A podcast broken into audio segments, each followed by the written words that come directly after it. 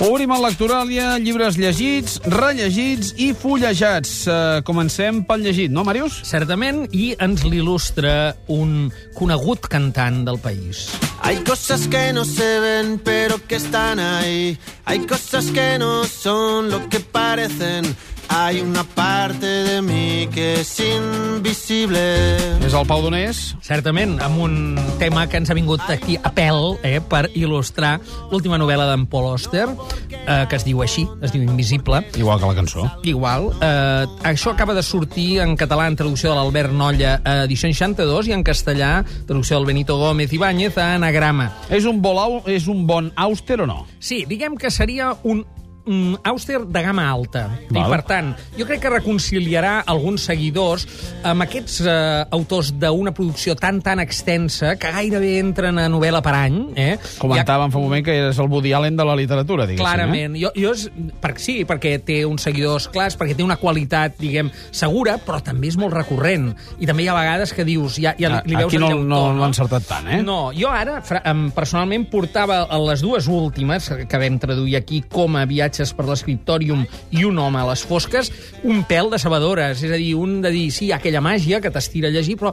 hi falta alguna cosa més, no? Aquest Invisible, val a dir que és una bona peça, eh, mm, que, que està a nivell... Potser perquè més enllà dels ingredients habituals, que hi ha un coqueteig autobiogràfic, el protagonista és un estudiant, mm, diguem, de poesia nord-americà, però molt europeïtzat. Eh, això passa a Nova York i després també passa a París. Eh, és evident que eh, és un alter ego també d'en Paul Auster, generacional i tal, i també hi ha ficció i realitat, però eh, de sobte hi ha un canvi de pantalla molt important perquè hi ha temes, diguem, d'un cert pes, temes morals, no? D'una banda hi ha un assassinat, eh, el qual el protagonista, diguem, n'és present i és un assassinat com una mica atzerós o accidental, però ell eh, es debat en el conflicte de si eh, denunciar-lo o no, perquè ha estat comès per un conegut seu, i després hi ha un altre territori que jo apuntaré només, perquè tampoc no voldria fer un spoiler, Sí. diguem, de, de, de argumental, però és que es toca el tema de l'incest. Uh -huh. I eh, certament són les millors pàgines de la novel·la, diguem, eh, perquè és un tema molt delicat de tocar i es toca amb, amb profunditat, amb, eh, amb conflicte, però alhora amb, amb nota alta. Eh? Mm, Per tant, jo sí que recomanaria, és la història de la formació moral d'un que es diu Adam Walker, figura que acabarà eh, sent un compromès advocat dels oprimits durant 40 anys, però el que recordem és aquests fets decisius que van marcar una mica la seva joventut i la seva manera d'enfrontar la vida. Tres L's per aquest Auster, que té aquests mots clau. Eh, té París com a mot clau, eh, també art, bé, París i Nova York, però París eh, és especialment notable en aquesta novel·la, art, consciència social, escriptura i, això que dèiem, incest i amor.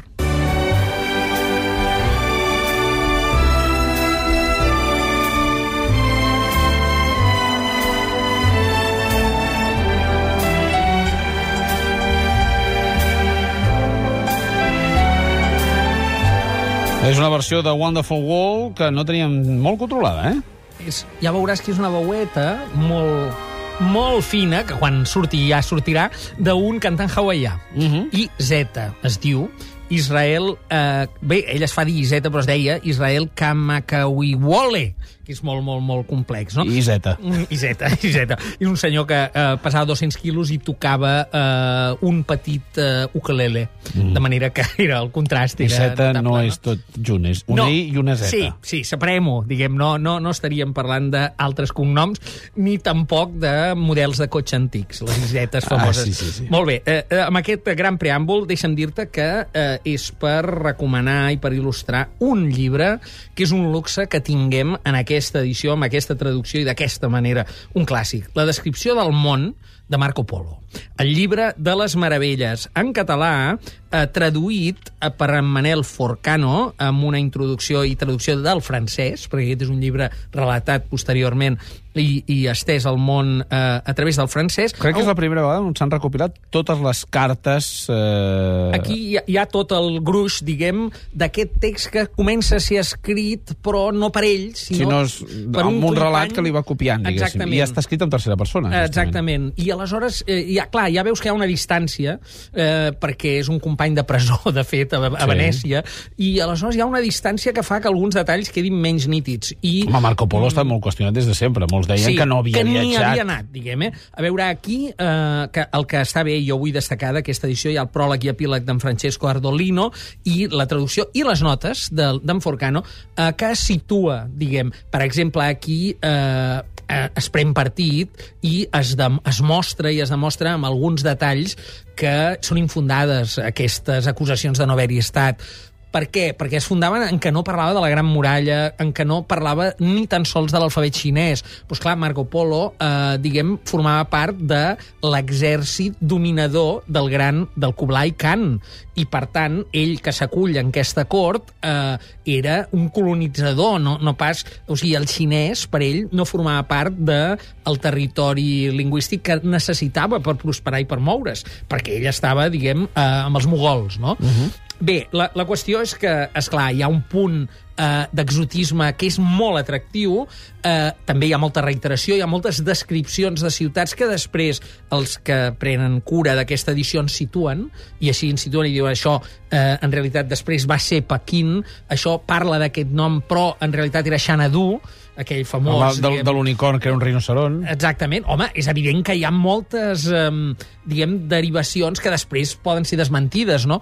Però és, és francament interessant. Per exemple, eh, hi ha en algun moment eh, una cosa que després sí que ha estat... Eh, clar, el viatge d'anada i de tornada són diferents, eh? A la tornada torna, diguem, pel sud i per la, per la zona del que ara se'n diu la Índia, no? Però hi ha, hi ha un detall en una terra que en diuen els Kamul, eh, en el qual eh, hi ha els uigurs, els antics uigurs xinesos, que avui en dia és una ètnia que encara continua, i que, d'una manera que aquí s'explica molt fina, ofereixen les seves dones i les seves filles.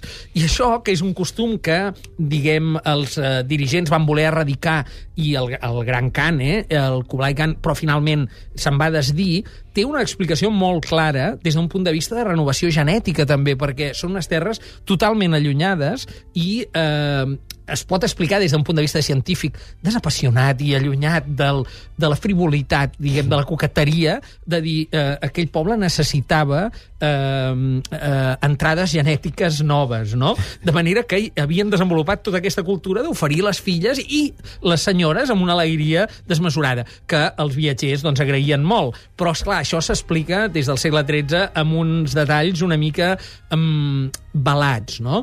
Eh, és l'única cosa que et trobes, que hi ha molta distància, que no és una crònica, que tu no et trobes allà al mig, sinó que és un record. És un llibre clarament evocatiu, construït a posteriori, com molt bé situen en, en Manel Forcano davant de cada traducció de capítol, que fa una descripció que ja et posen antecedents i et diu, bé, això que diu era això, això avui en dia existeix i és allò, etc. No? Mm, jo m'ho he passat molt bé i he descobert moltíssimes coses aquí. Molt no? bona feina, eh, la que han fet. És, és una, jo, jo penso que és un clàssic que val molt la pena amb aquesta edició tal com ho tenim perquè et, et situa d'una manera molt, molt clara. I compila tot el material i en destria d'altre que, Que- que no era- que circulava i es veu que no era, certament, bo, certament. eh? I el que, per exemple, jo no sabia és que els Polo, diguem, eren com un lobby. És a dir, viatjava el Marco Polo, que és el que ha passat a la història, amb el seu oncle i son pare, no? I aquest Nicolò eh, era una bona peça, eh? Perquè eh, ja, ja havia començat a anar de viatge i aleshores quan tornava és quan deixava embarassada alguna, alguna dama, no? Diguem, i llavors quan tornava d'un altre viatge 20 anys després li presentaven i deia, mira, aquest és el Marco, el teu fill. Ah, molt bé, llavors se l'enduia. Eh? Així comença el llibre i dius, carai, aquests Polo eren uns fletxes, no? I quan Marco Polo torna, eh, després de tots d'anys eh, a la cort del Kublai Khan, en realitat és robat eh, i arriba pràcticament pobre a Venècia i després sí que s'estableix i té fills, etc. Tots aquests detalls els sabem gràcies a aquesta edició que ens el contextualitza. Perquè el text té un punt de novel·lesc, eh? com de dir, anem a explicar històries i hi ha molts casos que diu aquí parla d'oïdes. Aquí, en realitat, Marco Polo no hi va ser mai, però com que anava amb vaixell per aquí, tots els mariners li explicaven històries d'aquesta illa, no? I aleshores ell les recull.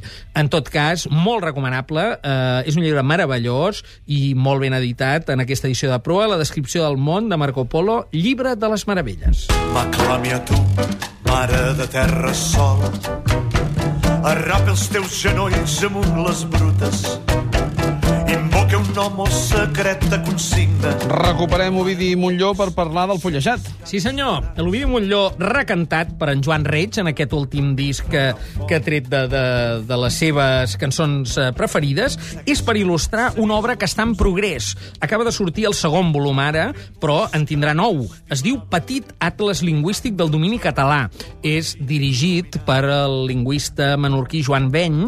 Això ho publica l'Institut d'Estudis Catalans. I això és la versió petita, imagina, petita, i te la porto que, eh? diguem, té un format gran de l'Atles eh, del lingüístic del domini català. Aquí que hi ha? Mapes del domini lingüístic, però eh, són mapes que acullen maneres diverses de dir les mateixes paraules. Per exemple, si anem a la pàgina aquí, que, que, que he anat a petar, que diu cambra, Sí. et diu a on del domini en diuen cambra, o a on en diuen quarto, o a on habitació, o a on Fantàstic. alcova.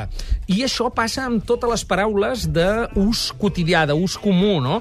Clar, a mi m'ha fet molta gràcia, per exemple, que de l'armilla, doncs clar, se'n digui xaleco en, un, en unes comarques, jupatí en unes altres, guardapits en unes altres, ajustador, cosset, gilet, corpinyo, que m'ha recordat el Pedro J directament. En fi, mm, aquelles coses que eh, es visualitzen clarament amb un grafisme, és un atles, i cada paraula o parts del cos, usos, diguem, estris de la cuina, cada paraula té el seu tractament gràfic i també eh, específic per part d'un equip de lingüistes capitanejat per en Joan Veny. Avui me- me'ls quedo els tres, eh? Home, avui... Aquest és per anar-lo mirant. Sí. Saps allò de dir, hosti, per, per què l'àvia en deia torreta? I, I aquí diuen test i aquí diuen cossi. D'on era l'àvia, no? doncs aquí ho sabràs. Màrius, moltíssimes gràcies. A reveure.